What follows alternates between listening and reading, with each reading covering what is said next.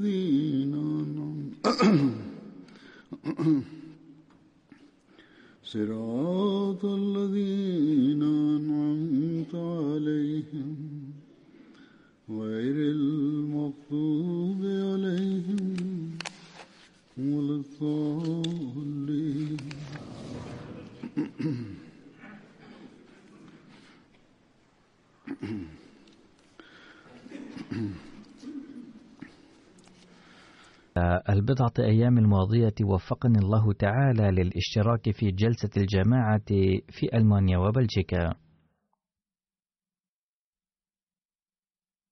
وكما شاهد مشاهدو MTA ولعلكم رأيتم أنتم أيضا أن هاتين الجلستين كانتا مباركتين جدا بفضل الله تعالى.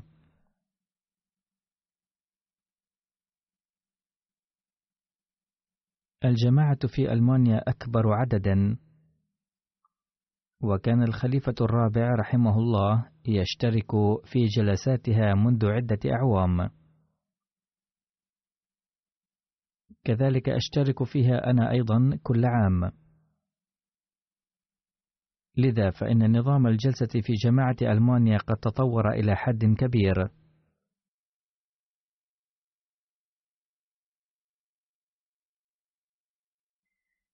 ويحضرها الضيوف من الخارج أيضا من بلاد مجاورة ولا سيما من بلاد أوروبا الشرقية إضافة إلى بلاد أخرى.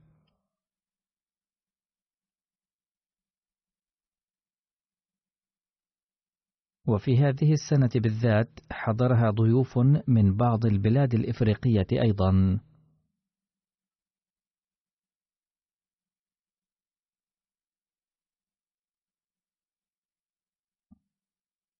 وكما هو الحال دائما وفي كل جلسة بفضل الله تعالى يأخذ الضيوف من غير الأحمديين انطباعات جيدة من جلساتنا ويذكرونها أيضا.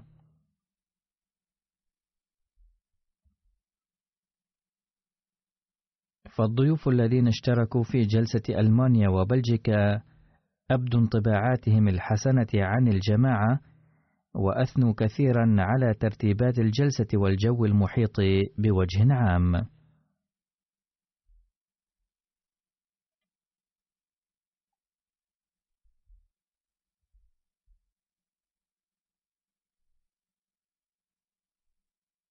وكان منهم من حضروها من قبل ومنهم من حضروا لأول مرة فقالوا: إن بواسطة جلساتكم تبين لنا ما هو تعليم الإسلام الحقيقي، وأن وسائل الإعلام المعاصرة تقدم صورة الإسلام مشوهة تماما، وأن تعليم الإسلام الحقيقي وعمل المسلم الصادق ينافي تماما ما تقدمه وسائل الإعلام.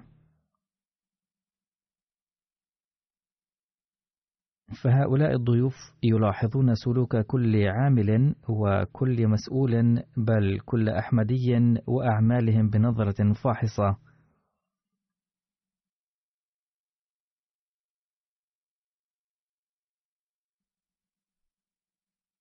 من المعلوم أنه مهما كان التعليم جيدا لا يمكن أن يترك تأثيرا طيبا ما لم تكن أعمال المؤمنين به حسنة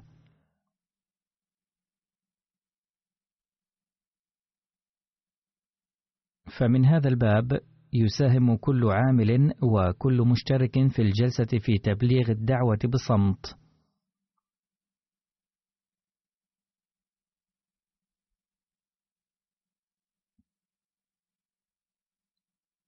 كما قلت مرارا من قبل أيضا يزيلون من أذهان غير المسلمين أفكارا وانطباعات خاطئة عن الإسلام.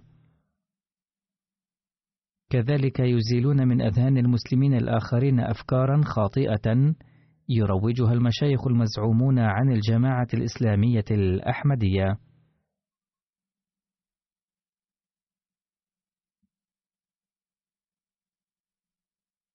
يظن عامة الناس عنا نحن الأحمديين أننا لسنا مسلمين والعياذ بالله ولا نشهد الشهادتين ولا نؤمن بالنبي صلى الله عليه وسلم خاتم النبيين. ويتهموننا بأن لنا قرآنا مختلفا.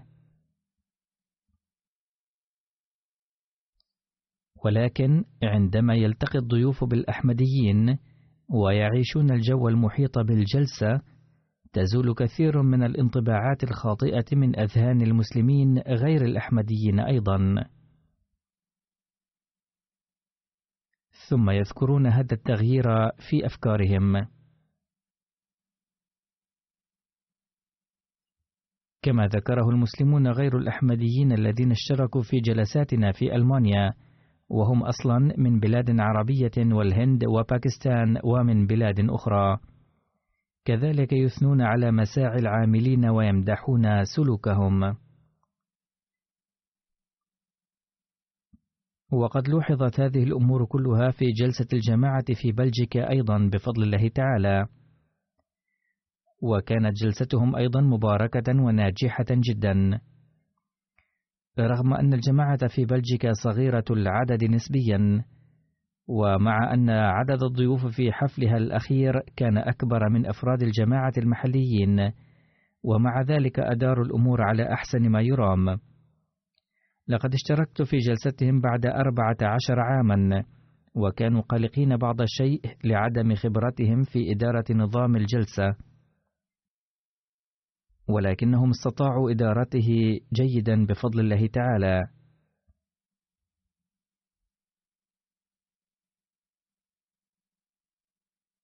وقد حضر جلسة بلجيكا أيضا ضيوف غير مسلمين وإن كان عددهم قليلا نسبيا.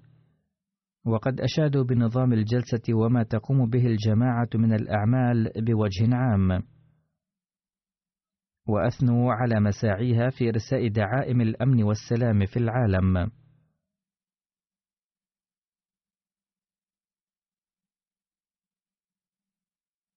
فحيثما وجدت الجماعة يكون لها تأثير حسن على الأغيار بفضل الله تعالى، وتكون مساعيها وسيلة لتبليغ الدعوة. فمن هذا المنطلق يجب على كافة أفراد الجماعة أن ينتبهوا دائما إلى مدى حاجتهم إلى تحسين حالتهم بعد بيعتهم المسيح الموعود عليه الصلاة والسلام.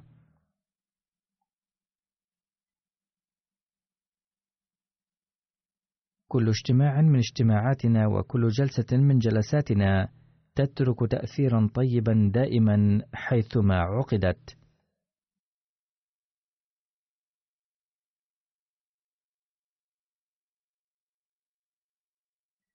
اليوم سيبدأ اجتماع مسز خدام الأحمدية في بريطانيا وبهذه المناسبة أذكر جميع المشتركين فيه أن يتصرفوا بما يترك أثرا طيبا على أهل المنطقة ندعو الله تعالى أن يبارك في اجتماعهم ويزيل قلقهم الناتج عن سوء أحوال الجو المحتملة ويجعل الطقس مناسبا.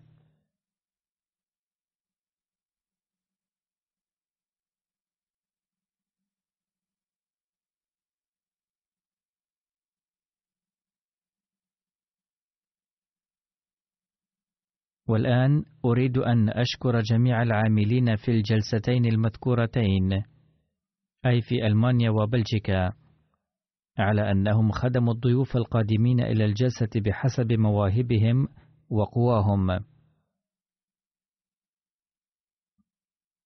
كذلك يجب على جميع المشتركين الأحمديين فيها أن يشكروهم. الناس الذين يقدمون أنفسهم لخدمة ضيوف المسيح الموعود عليه السلام يأتون من فئات مختلفة وتتنوع أمزجتهم وأذواقهم.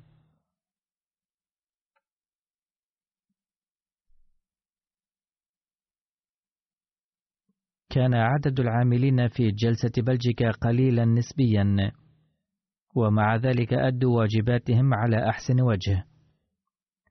فيجب على العاملين أيضا أن يشكروا الله تعالى على أنه أعطاهم فرصة للخدمة. وينبغي أن يجهزوا أنفسهم جيدا للمستقبل، ويفكروا كيف يمكنهم في السنوات المقبلة إزالة الأخطاء أو النقائص التي ظهرت للعيان هذه المرة.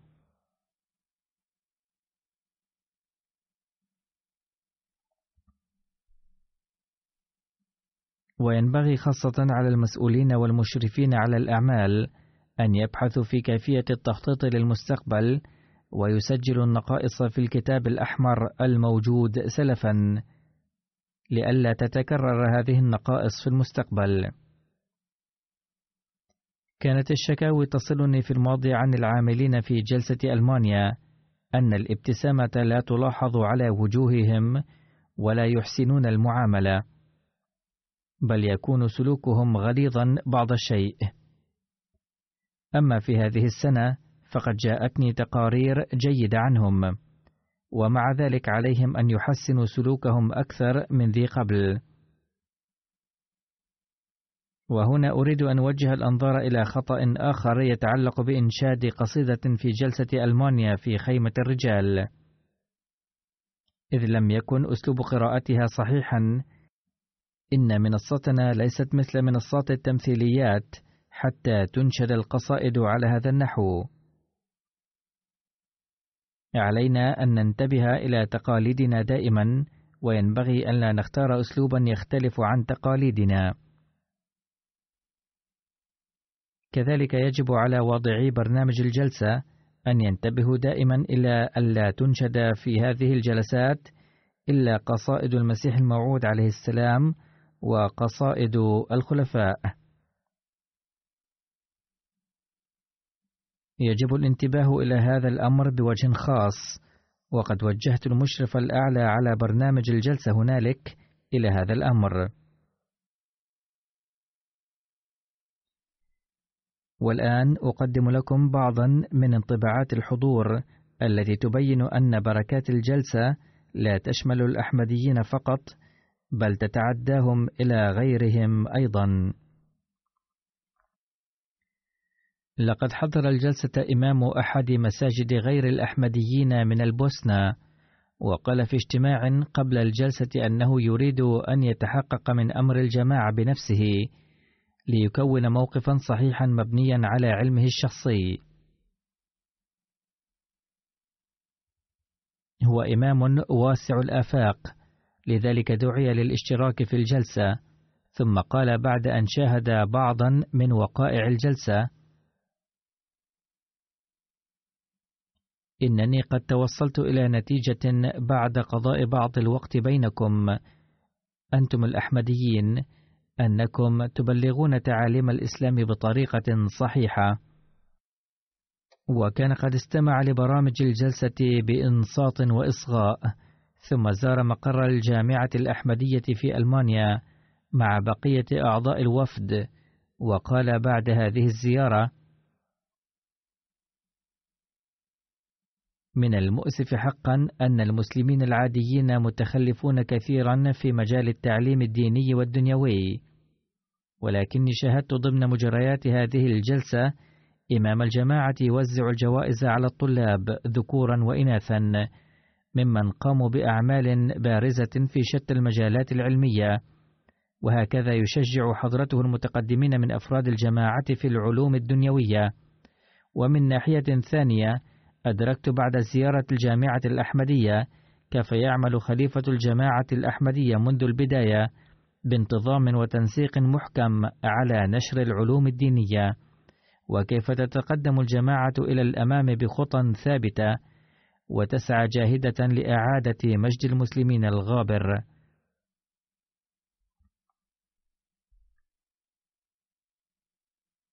ثم التقى بي هذا الإمام بعد الجلسة وقال أنه يريد أن يقرأ كتاب البراهين الأحمدية وكتاب التذكرة فقلت له بدلا من التذكرة عليك أن تقرأ أولا كتاب فلسفة تعاليم الإسلام وكتاب الدعوة إلى الحق لأنك بقراءة هذين الكتابين ستتعرف أكثر إلى الجماعة ودعوى المسيح الموعود عليه السلام وسيرته وعلمه ومعرفته وتأييدات الله تعالى له.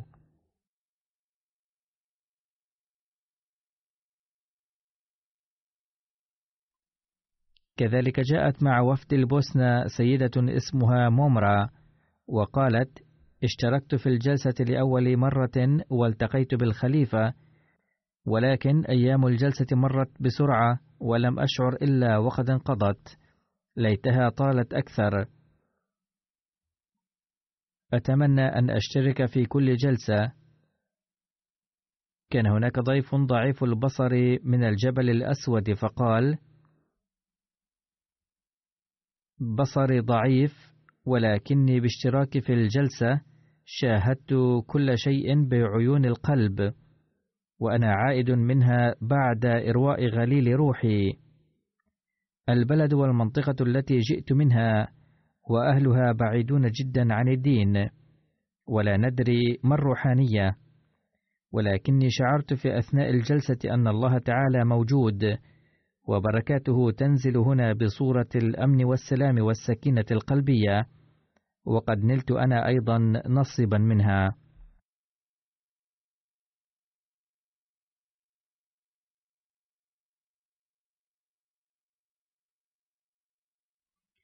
لقد شارك في جلسة ألمانيا هذا العام وفد من بلغاريا. يتألف من 56 فردا بينهم 31 ضيفا من غير الأحمديين الذين التقوا بي أيضا. كانت ضمن الوفد سيدة اسمها كريلكا.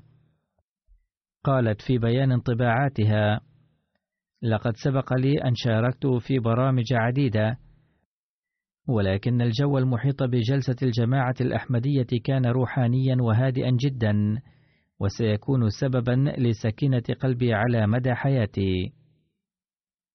كان في قلوب الناس احترام وحب كبير لنا وكان إيمانهم ومدى صلاحهم وبرهم باديا في أعينهم. لقد تركت خطبات الخليفة تأثيرا عميقا في قلبي حتى أنني ظللت أبكي في أثنائها وشعرت كأن حياتي الجديدة قد بدأت الآن وسأسعى جاهدة أن أقضي بقية حياتي في ضوء هذه التعليمات. أشكركم على أنكم هيأتم لي فرصة الاستفادة من هذه البيئة الروحانية.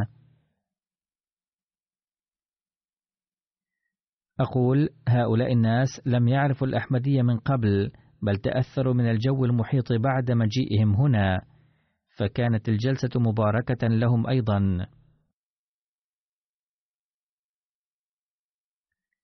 قالت سيدة مسيحية اسمها كريسي ميرا لقد اشتركت في الجلسة مع زوجي وأولادي ولم أرى ضيافة مرتبة مثلها من قبل. لقد تعلمت كثيرا عن احترام الوالدين وتربية الأولاد وسأجعل هذه التعليمات جزءا من حياتي. وقد شد إعجابي أسلوب احترام الرجال النساء ولم أرى في المسيحية احتراما للنساء مثله. وأنا أدعو لكم شاكرة إياكم إذا في هذا درس للرجال أنه يجب ألا يقتصر احترامهم النساء على أيام الجلسة فقط، بل يجب أن تزخر قلوبهم باحترامهن دائما بحسب التعليم الذي أعطانا الله تعالى إياه. كذلك حضر الجلسة مسلم غير أحمدي اسمه السيد يوسف، فقال: اشتركت في هذه الجلسة أول مرة، وبعد مشاهدة أجواء الجلسة زال من قلبي كل ما كنت قد سمعته ضد الجماعة. فقد لاحظت الخير والعمل بتعليم القرآن والحديث في كل مكان، وقد ترك شعار الحب للجميع ولا كراهية لأحد تأثيرا عميقا في قلبي. كان الهدوء سائدا في كل مكان، لا سيما وأن خطبات الخليفة كانت سكينة كبيرة لي، فقررت الانضمام إلى الجماعة في أثناء الجلسة نفسها. كانت مشاكل الشخصية الكثيرة حائلة دون ذلك، ولكن حين اشتركت بالجلسة بدأت مشاكلي تزول تلقائيا، والآن سأعمل على نشر دعوة الجماعة. كذلك هناك انطباعات لوفد قادم من لاتفيا، فقد جاء من هناك طالب في مجال الطب فقال: إن اشتراكي في جلسة ألمانيا شرف كبير لي، وشعرت أن هذه الجلسة جمعت جميع الناس ذوي الإيمان القوي والأرواح المطمئنة ومن فيهم الأخوة ويروجون الأمن. لقد استغربت كثيرا نظرا إلى كيفية استماعهم للمحاضرات بإنصات مع انشغالهم في الأعمال المفوضة إليهم، وكان لقائي خليفة الوقت شرفا كبيرا لي. وقد تحدث حضرته حول قضية المهاجرين في ألمانيا وعن الإسلام، وحول مخاوف الناس اتجاه الإسلام. وأنا سعيد لأن الجماعة الأحمدية تنشر في العالم رسالة الأمن والأخوة، وتركز في المجتمع الألماني على الصداقة وحسن الجوار والخدمة. هناك شخص غير أحمدي من أصل باكستاني يدرس الماجستير في لاتفيا، وجاء للاشتراك في الجلسة، فقال في انطباعاته: لقد جئت إلى لاتفيا بناء على تأشيرة الدراسة ودعيت إلى هذه الجلسة، وقبلت الدعوة بعد تردد على مضض. عندما وصلت إلى مكان الجلسة استغربت كثيرا بالنظر إلى المشرفين عليها، لأن عدد الحضور كان كبيرا، وكان المشرفون يعاملون الجميع بحكمة وتفهم ورحابة صدر. كان عدد الحضور في الجلسة كبيرا وكثيرا منهم كانوا ضيوفا غير مسلمين من بلاد مختلفة وقد دعوا إلى الجلسة ليطلعوا على الإسلام بأنفسهم. ولم أرى هذا القدر من الحب والإحترام وحسن الضيافة في حياتي مثل ما رأيته في الجلسة. وارتحت نظرا إلى أنها ستترك تأثيرا طيبا في قلوب غير المسلمين الذين سيسعون حتما بدورهم للتوجه إلى الإسلام. لست أحمديا لأن في ذهني أيضا بعضا من سوء الفهم الذي تكنه كل فرقة من فرق المسلمين عن غيرها. وحين استمعت للخطب هناك وقرأت الكلمات المكتوبة وصليت لم أجد أي فرق، وهذا كله ما نقوم به نحن أيضا، والأحمديون هم أيضا يعملون الأمور نفسها، فلهم الشهادة نفسها والصلاة نفسها والقرآن نفسه، وأكثر ما كان يجدر بالانتباه والتدبر هو ختم النبوة. والآن لا أجد بدا من التدبر والتفكر فيما إذا كان يتوجب علي أن أصدق فرقتي أو أصدق الفرقة الأحمدية. إن أكبر فائدة حصلت لي من حضور الجلسة أني شاهدت كل شيء بأم عيني وسمعت بأذني جالسا بين الأحمديين ووسطهم. والآن سوف أبحث شخصيا في ماهية الإسلام وماهية ختم النبوة. أعجبني خطاب الخليفة كثيرا ولا سيما الخطاب النهائي. هذه الأيام الأربعة كانت أروع أيام حياتي. إن سائر المسلمين يتكلمون وينشرون الكراهية والنفور فقط، أما هنا فقد رأيت الحب والاحترام فقط. كان معي بعض الأصدقاء غير المسلمين، وتأثروا جدا بالإحترام الذي قدمته لهم الجماعة الأحمدية. كما عاملنا المسؤولون في كل الأقسام بمنتهى اللطف والإحترام، وساعدونا ووجهونا ونظموا هذه الجلسة الكبيرة جدا على خير ما يرام. فأنا أشكرهم من أعماق قلبي. ثم كان من بين الضيوف أستاذ محاضر في كلية الزراعة في لاتفيا وهو من أصل سريلانكي وهو من أتباع البوذية لكونه قد ولد في بيت بوذي. فقال الحق أني قررت حضور الجلسة كنت أخاف نوعا ما من أن يتعرض هذا الاجتماع لهجوم إرهابي. لكنني حين لاحظت نظام الحراسة في هذه الجلسة شعرت أنه لا أحد يقدر على إلحاق أي ضرر بالجلسة أو أي مشارك فيها. أقول فهذا فضل من الله تعالى فقط فهو يدبر من عنده. فما قيمة حراستنا نحن؟ فأنا أثني على نظام الحراسة كله وأعجب به رغم أن لي عددا كبيرا من المسلمين السريلانكيين. لم تكن لدي معلومات كافية عن الإسلام وفي الجلسة تلقيت معلومات عن الإسلام الصحيح وعن الفرق الإسلامية الأخرى. وكذلك تبين لي الفرق بوضوح بين الفرقة الأحمدية وغيرها من الفرق. إن أفضل ما اطلعت عليه في هذا البرنامج هو أن الجماعة الأحمدية جماعة محبة. وأود أن أبرز هذا الجانب كثيرا وأشيد به. لقد حيرني قدرة الأحمديين على التنظيم والإدارة وهذا يشير بوضوح إلى أنكم تستطيعون قيادة العالم إلى اتجاه صحيح.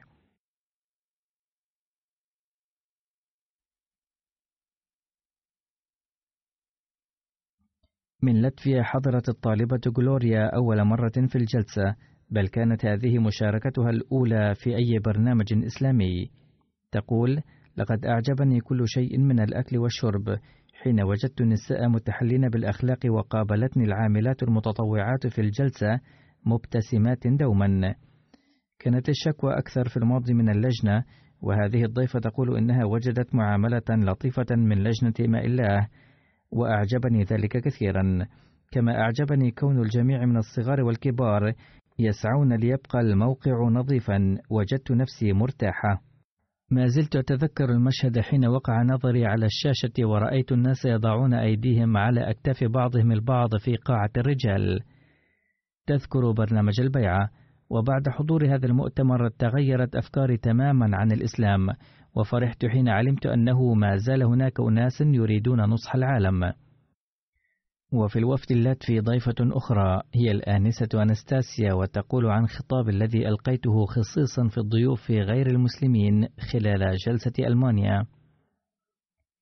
أعجبني هذا الخطاب وإن الأمور التي ذكرها الخليفة هي صحيحة.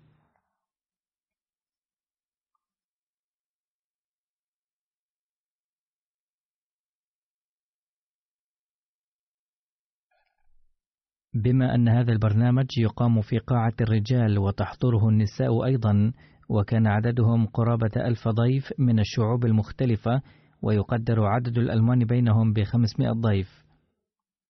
تقول لقد أتيت من أجل هذا البرنامج إلى قاعة الرجال وأمضيت بقية الوقت في قاعة النساء وكنت أثناء جلوسي بين الرجال أخجل من كوني حاسرة الرأس. فهذا يجب أن يولد الثقة في البنات اللاتي يخجلن من التحجب بعد المجيء إلى هنا فيخلعن الحجاب. أما هذه المسيحية فتخجل من جلوسها في الرجال وبدون الوشاح على رأسها.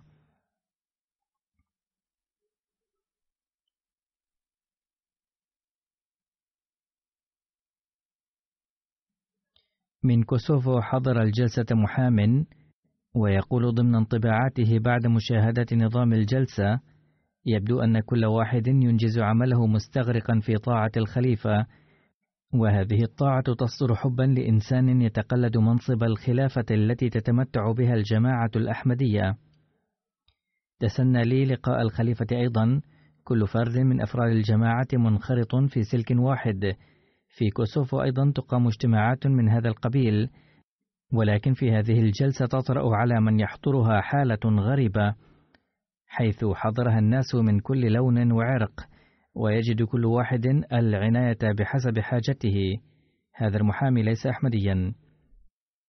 ضم الوفد الآتي من كوسوفو أستاذا في الفيزياء اسمه آربر قال ما كنت أستسيغ فكرة أن اجتماع هذا العدد الهائل من الناس في مكان واحد وسد حاجاتهم ممكن.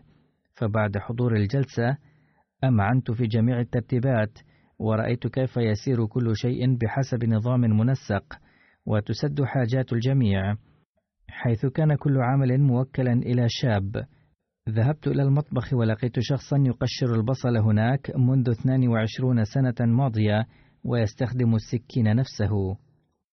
وأخبرني أنه يحافظ على هذا السكين منذ 22 سنة لأن حضرة الخليفة الرابع للمسيح الموعود عليه السلام كان قد استخدمها أو مسها بيده فهذا شيء أثر فيه كثيرا. من جورجيا حضر الجلسة وفد يضم 38 ضيفا منهم قسان ومفتيان وزعماء من السنة والشيعة وثلاثون شخصا من غير الأحمديين.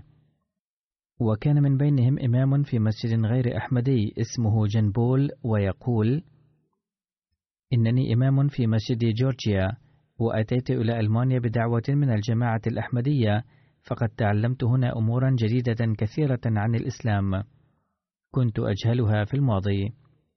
ثم قال عني سوف أتذكر جملة من خطابه دوما وهي من واجبنا أن نساعد البشرية. إن الإسلام دين السلام والأمن فقط فبعد المجيء إلى هنا تعرفنا إلى التعاليم الحقيقية للإسلام.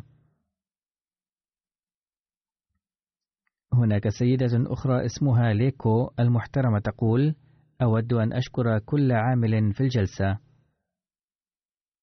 وتقول ضيفة أخرى تدعى السيدة أرما اليوم حضرت برنامج النساء وكنت أستغرب كيف سوف تنظم النساء البرنامج كله.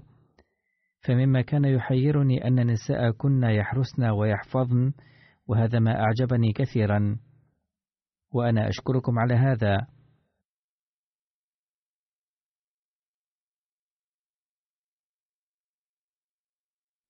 ومما حيرني أيضا الاهتمام الملحوظ بتربية النساء وتعليمهن. وأكبر ما لفت انتباهي أن الخليفة كان يوزع بيده الجوائز التعليمية على المتفوقات.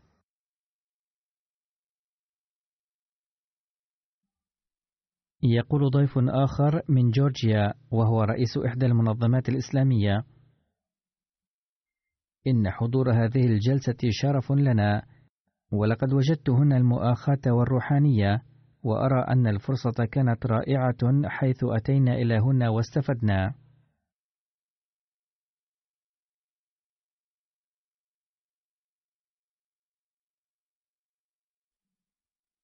يقول ضيف آخر واسمه محمد أكبر كنت أسمع من الطفولة أن المهدي سيأتي ويغير العالم وظللنا نرقبه والآن أسمع أول مرة أن المهدي الذي ننتظره قد بعث وخلا وأقيم بعده نظام الخلافة وهو يستمر.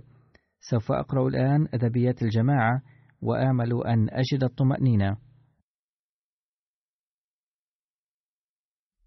ثم كان من الضيوف أسقف من جورجيا وكان قد جاء إلى هنا في جلسة بريطانيا أيضا وهو الذي كان يرتدي لباسا أزرق فهو الآخر أبدى انطباعاته الجيدة وتأثر كثيرا. من المجر جاء قس من الكنيسة البروتستانتية وهو نشيط في الأعمال الإنسانية إضافة إلى الأعمال الدينية. يقول إنني مسيحي لكنني أتلقى في جلساتكم الانتعاش الإيماني. وأعود من هنا منتعشا إيمانيا وهذه الشحنة تساعدني على إنجاز أعمالي طوال السنة.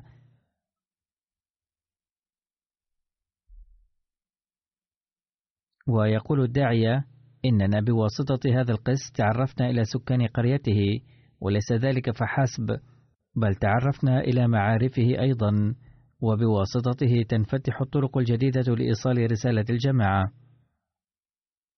ومن المجر جاء ضيف آخر يعمل في مكتب مخيم اللاجئين ويقول إن مثل الجلسة كمثل إنسان عظيم حين ينظر إليه المرء تنتابه هيبة ورجفة. فعندما كنتم ترفعون الهتافات بدوتم وكأنكم تنتظرون الأوامر من الإمام ومستعدون لتنفيذ ما يقول لكم فورا. فقد خفت في البداية كثيرا ففي المجر يحدث الشجار والنزاع خلال ساعة في اجتماع يضم مئة شخص. دع عنك هذا الاجتماع العظيم. فلم أرى اجتماع الآلاف بشكل آمن من هذا القبيل في حياتي قط. تقول ضيفة من المجر وهي مسؤولة عن الشؤون الاقتصادية لمخيم اللاجئين واسمها أيلونا. إنها بعد مشاهدة ترتيبات الجلسة ونظامها. سألت كيف تهيأ النفقات الهائلة للجلسة؟ وحين أخبرت عن نظام التبرعات في الجلسة والأعمال التي تنجز طوعا استغربت كثيرا وقالت إن الجلسة تغسل الإنسان من الداخل وتجعله طاهرا. هذه السيدة ليست أحمدية وليست مسلمة وتقول إن الإنسان بعد حضور الجلسة يشعر كأنه غسل من الداخل وصار طاهرا. وكما أن غسل الوليد يؤلمه لكنه ضروري جدا له وهذا هو حال الإنسان بعد حضور الجلسة. فكما قلت سابقا إن الجلسة تؤثر في الأغيار أيضا. وهناك ضيفة في الوفد المجري تدعى السيدة وفاء وهي يمنية الأصل وتعمل طبيبة وكانت متحمسة بحضور الجلسة.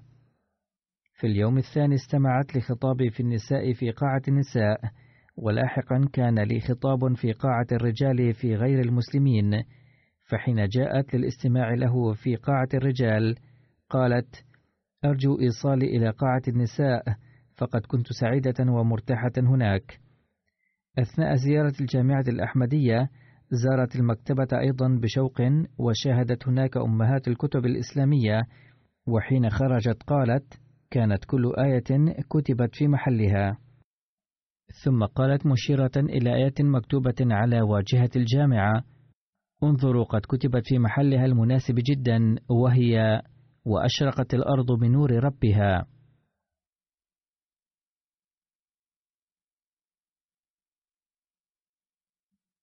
ثم كان وفد من مقدونيا ضم ثلاثة وثمانين ضيفا حيث جاء خمسون ضيفا بالباص بقطع مسافة ألفي كيلومتر في أربع وثلاثين ساعة. وجاء الآخرون بوسائل المواصلات الأخرى وكان من بين هؤلاء المشاركين واحد وعشرين أحمديا وتسعة عشر غير أحمدي وأربعة عشر مسيحيا وكان من بينهم عمدة مدينة كبيرة أيضا. وست ممثلين لأربعة قنوات تلفزيونية سجلوا برامج الجلسة لثلاثة أيام وسجلوا لقاءات مع الضيوف وقالوا أنهم سوف يعدون أفلاما وثائقية لقنواتهم بعد العودة إلى بلادهم. حضر الجلسة ثلاثة بروفيسورات مسلمين أصدقاء وقال أحدهم واسمه جلاديني المحترم وهو أستاذ في المعلوماتية آي تي. إنني ممتن للفريق المنظم للجلسة والأحمديين في مقدونيا الذين بدعوتهم حضرت الجلسة وهناك لاحظت العمل بتعاليم الإسلام الصحيح وصحيح أني كنت قد قرأت وسمعت عن الجماعة الإسلامية وخلفائها وكما كنت سمعت الكثير ضدها أيضا لكنني تلقيت الرد عليها هنا. هنا قد رأيت الخليفة واستمعت لكلامه وتعلمت منه الكثير. وأنا متأثر كثيرا بما قاله الخليفة. ثم قال بعد الاستماع لكلام الخليفة قوي إيماني بأن جميع سكان العالم سيقبلون هذه الرسالة والطريق الآتي من الله. أتمنى لكم السلام والأمن.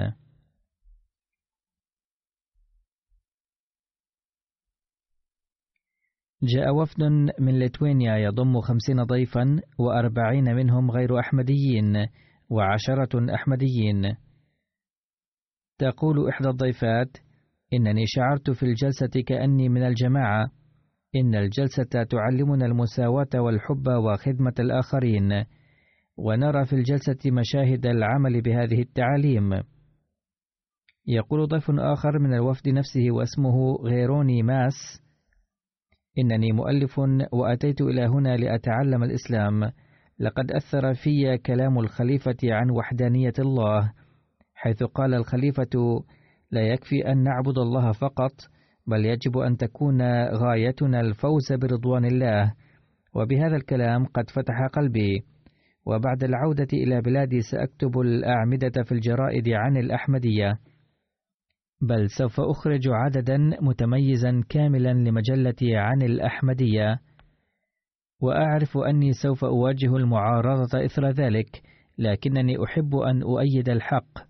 لقد فرحت هنا كثيرا واطمأن قلبي وأنني أتمنى لكم جميعا وللجماعة التقدم والازدهار.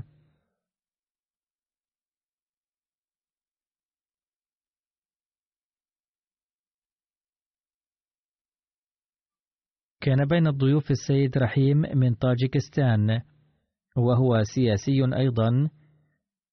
يقول قد حضرت الجلسة أول مرة وتسنى لي الاطلاع على الجماعة الأحمدية عن كثب لي قدوة في حماس جميع العاملين. كيف يجري العمل ليل نهار؟ لقد وجدت في لقاء الخليفة الرد على الأسئلة التي كانت تساور قلبي. وشعرت بالجلوس مع الخليفة أن الوحدة عند الجماعة. لقد أعطاني جوابا شاملا على سؤالي عن أوضاع المسلمين في العصر الراهن واقتنعت به.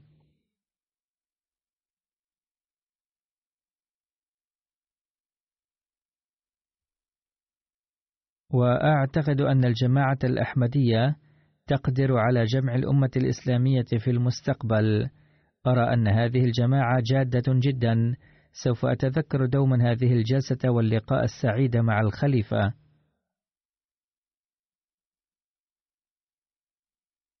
ثم تقول سيدة محاضرة في إحدى الجامعات في طاجكستان. سررت جدا بالحضور في جلسة الجماعة الإسلامية الأحمدية وبرؤية ترتيباتها. ورأيت للمرة الأولى في حياتي مثلا أعلى للضيافة والتعاون. إن الجماعة الإسلامية الأحمدية تتمتع هنا بحرية كافية. كان خطاب الخليفة في السيدات يحوي حلا لجميع المشاكل ليت العالم كله يتمكن من العمل به. لقد حظيت بفرصة لقاء إمام الجماعة الإسلامية الأحمدية. وجدته يملك معلومات كثيرة حول الصحافة وقضايا العصر الراهن. كنت أظنه شخصية دينية فحسب قبل لقائه ولكن لما تكلمت معه وجدته يملك كثيرا من المعلومات وما أصدق ما قاله حضرته بأن للإعلام نصيب في نشر الفساد في العالم ولكنه يمكن أن يلعب دورا هاما في نشر الأمن أيضا إن شاء. أتقدم إلى الجماعة الإسلامية الأحمدية وإمامها بأطيب الأمان القلبية. وكان قد اشترك في الجلسة رئيس بلدية مدينة أنبور وهي مدينة من أكبر مدن السنغال. وكان ممثلا لخليفة أكبر فرقة دينية في سنغال. وكان قد قدم لي هدية أيضا على المنصة. يقول لقد بايعت خليفتي أيضا ولكن لم أرى في حياتي مشهد البيعة الذي رأيته هنا. كان متحمسا كثيرا لما كان يتكلم بهذا الحديث وغرورقت عيناه. قال لا شك أن لنا خليفة أيضا ونحبه ولكن حب الخلافة الذي رأيته هنا لم أرى مثله قط في حياتي. واليوم أدركت حقا كيف كان الصحابة يضحون بأنفسهم. لقد رأيت حماسا قلبيا للناس وشعرت عند رؤية حبهم للخليفة وحماسهم لطاعته أنه لو أشار لهم بأمر ما فلن يتأخر أحد منهم عن إنجازه. ثم يقول: نحن أيضا نعقد جلستنا لثلاثة أيام، وعندما يأتي خليفتنا لا نجد الناس يجلسون بصمت، ولكن رأيت هنا أنه كلما أتى الخليفة جلس الجميع صامتين ومستعدين لسماع كلامه بكل إصغاء. لم أر حالة الناس كهذه عند قدوم أي زعيم ديني أو دنيوي لهم. تمت في اليوم الثالث من الجلسة البيعة التي اشترك فيها 42 مبيعا جديدا وكانوا من 17 جنسية مختلفة.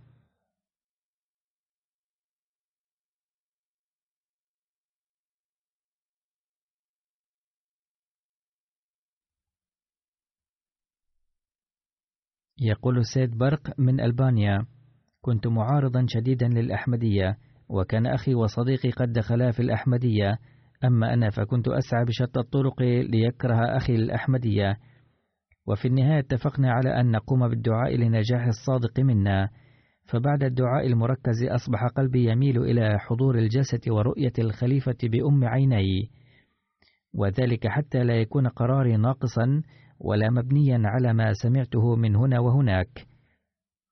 فشاركت في الجلسة السنوية هنا العام الماضي وخلال ذلك شعرت بشيء من الطمأنينة إلا أن نوعا من الاضطراب لازمني إلى أن جاء الوقت الحاسم ورأيت فيه وجه الخليفة. فلما وقع بصري عليه تطهر قلبي من كل نوع من العداء والبغض والنفور والكراهية وتبخرت الشكوك.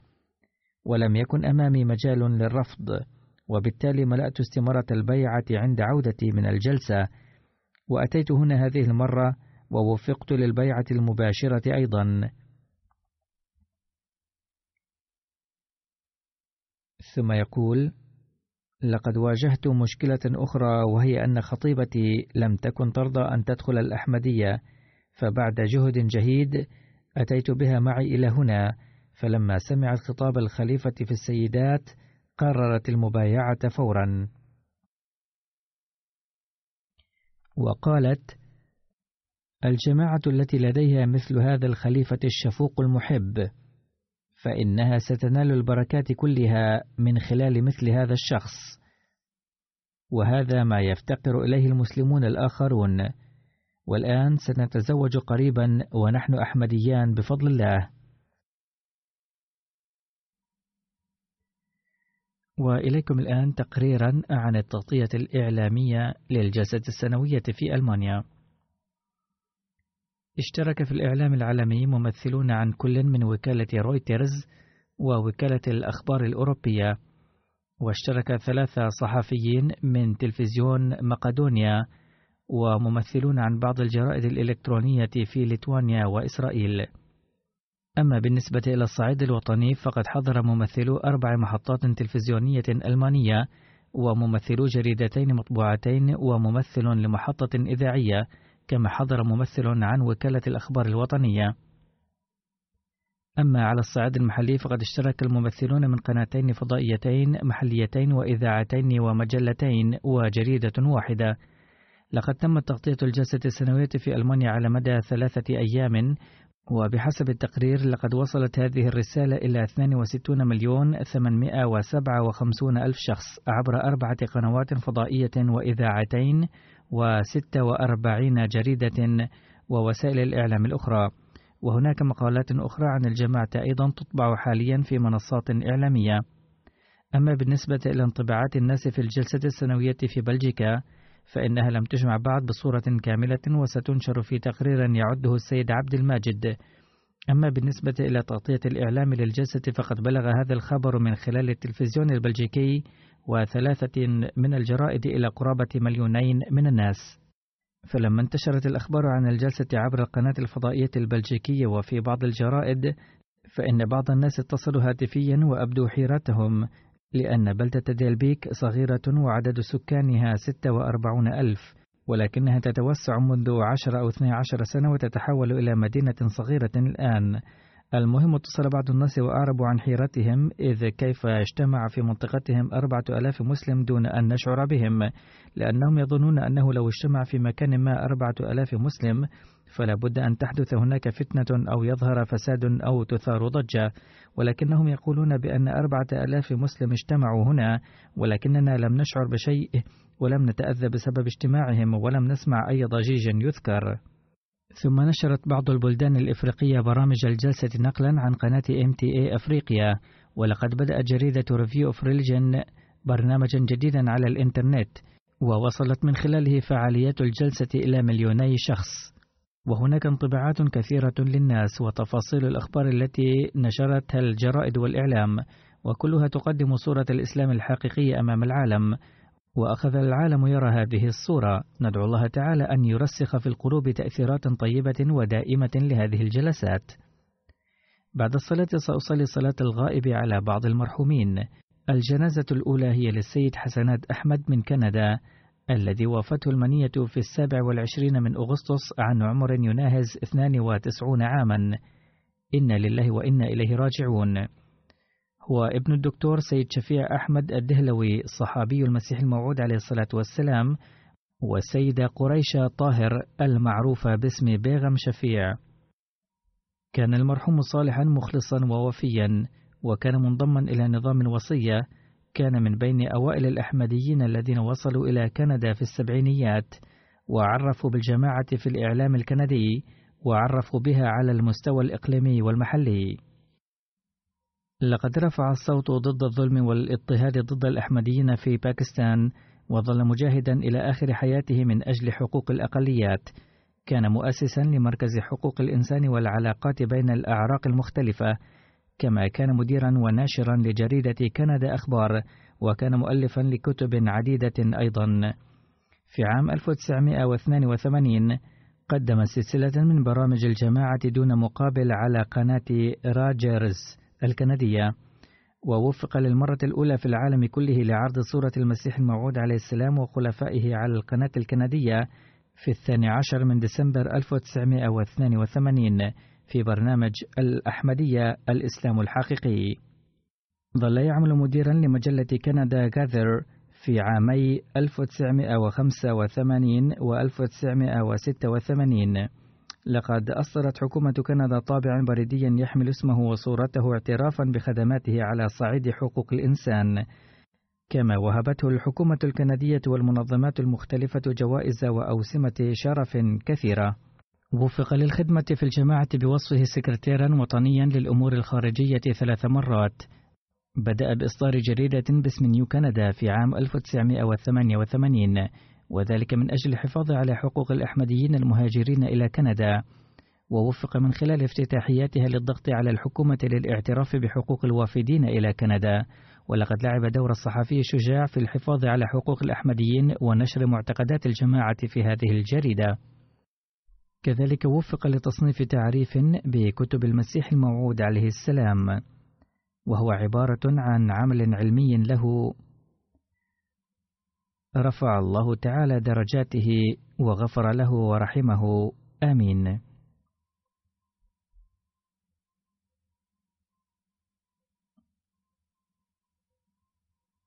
والجنازة الثانية هي للسيدة مباركة شوكت زوجة الحافظ قدرة الله الداعية السابق في هولندا وأندونيسيا.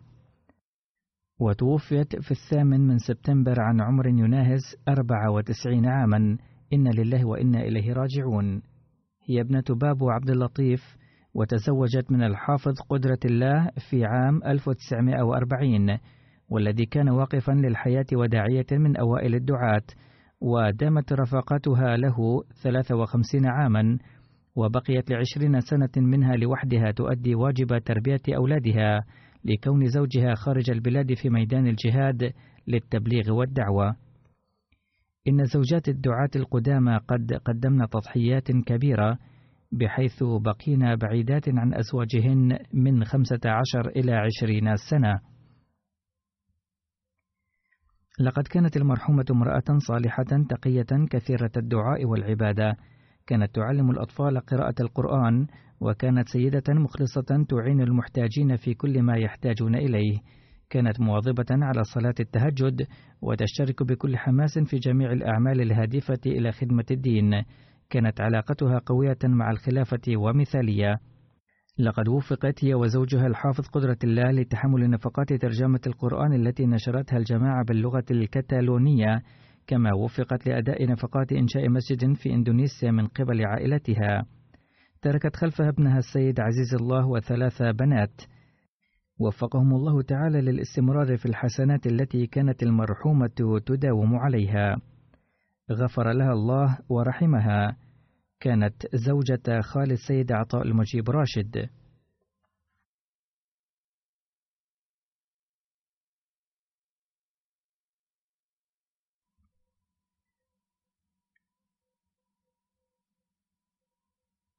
والجنازة الثالثة للتشودري خالد سيف الله نائب أمير الجماعة في أستراليا الذي توفي في السادس عشر من سبتمبر عن عمر يناهز 87 عاما. إن لله وإنا إليه راجعون. لقد دخلت الأحمدية في عائلته من خلال جده التشودري محمد خان مختار منطقة غول منجا محافظة جورداسبور الذي باع على يد المسيح الموعود عليه السلام في عام 1890 في عز شبابه. لقد حظي تشودري محمد خان أيضا بشرف تبليغه دعوة الأحمدية بواسطة المسيح الموعود عليه السلام نفسه. كان تشودري محمد خان يمر من قاديان إذ حان وقت صلاة العصر فذهب إلى المسجد الأقصى لأداء الصلاة. كانت صلاة الجماعة قد قضيت إلى ذلك الحين والمسيح الموعود عليه السلام كان يخرج من المسجد. فسلم عليه وبدأ صلاته. جلس المسيح الموعود عليه السلام هنالك فلما أنهى تشودري صلاته سأله حضرته هل بلغتكم دعوتي؟ قال لا لم يصلنا ولا أي إعلان من هذا القبيل. فأخذه المسيح الموعود عليه السلام إلى غرفته حيث كانت المنشورات موجودة في الخزانة. فقال له حضرته خذ من هنا منشورات لكل من يستطيع القراءة والكتابة في قريتك. يقول بأن عدد المتعلمين في قريتنا كان ثلاثة أو أربعة فحسب إلا أنني أخذت أربعة عشر أو خمسة عشر منشورا حول الإعلان عن دعوة حضرته.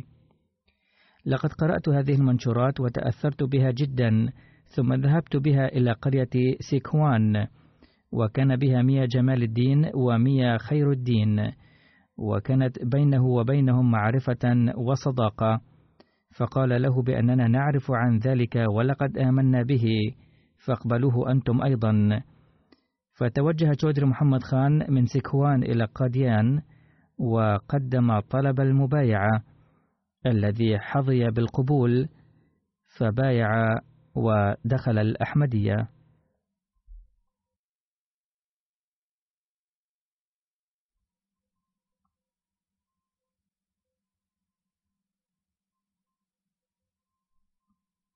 ذات يوم وبعد بيعة تشودري محمد خان وإذ كان يدلك قدمي المسيح الموعود عليه السلام.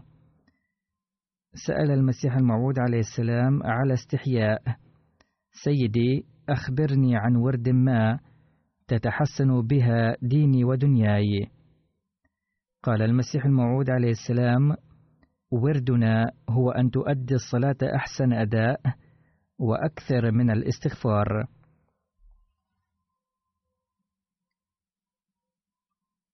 ثم حصل مرة أخرى أن تشودري محمد خان سأل حضرته نفس السؤال أثناء تدليكه قدمي حضرته فقال: أكثر من الاستغفار والصلاة على النبي.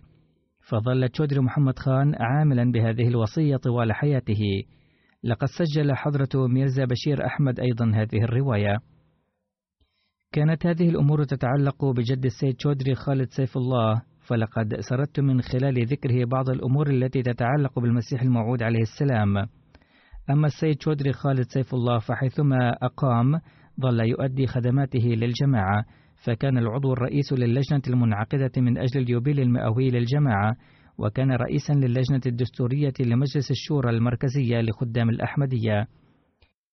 وظل يختم بوصفه سكرتيرا عاما لفرع الجماعة في فيصل أباد كما كان سكرتيرا ماليا للمنظمة المركزية للمهندسين وكان رئيس الجماعة في سول لاين في لاهور وتربيلا وكان أمير الجماعة في بنغازي ليبيا.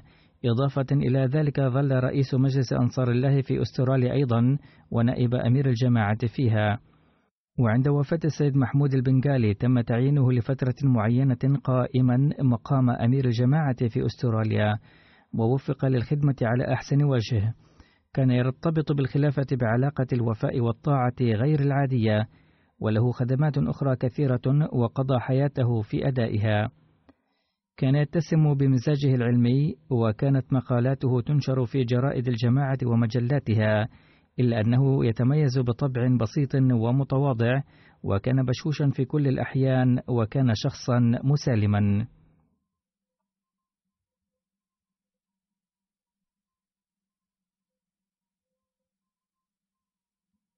رفع الله تعالى درجاته وغفر له.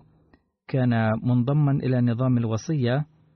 ترك خلفه ثلاثة بنات وابنين. ابنه الكبير محمد عمر خالد يسكن هنا في بريطانيا وهو رئيس الجماعة في موردن. أما ابنه الصغير أحمد عمر خالد فهو يخدم الجماعة في أستراليا بوصفه سكرتيرا وطنيا للوقف الجديد. كما أن له بنات أيضا. ندعو الله تعالى أن يوفق أولاده للاستمرار في الحسنات التي كان يداوم عليها. آمين.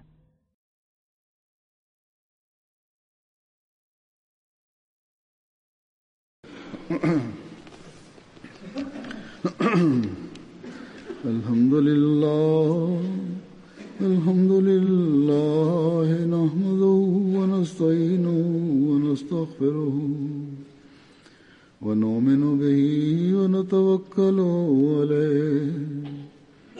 ونعوذ بالله من شرور أنفسنا ومن سيئات أعمالنا. من يهده الله فلا مضل له ومن يضلل فلا هادي له. ونشهد أن لا إله إلا الله. ونشهد أن محمدا عبده ورسوله. عباد الله رحمكم الله. إن الله يأمر بالعدل واللسان وإيتاء ذي القربى. وينهى عن الفحشاء والمنكر والبغي يعظكم لعلكم تذكرون. اذكروا الله يذكركم وادعوه يستجب لكم ولذكر الله أكبر.